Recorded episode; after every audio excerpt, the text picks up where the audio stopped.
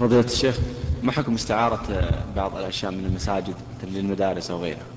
كاللواقط والميكروفونات آه، آه، لا يجوز أن يستعمل الموقوف على جهة في جهة أخرى. فالذي للمساجد من اللاقطات والمصاحف والكتب وغيرها لا يجوز أن ينقل إلى مدرسة ولا إلى مسجد آخر.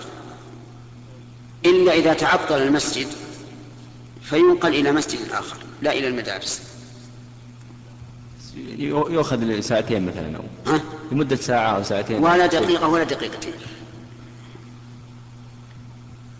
نعم.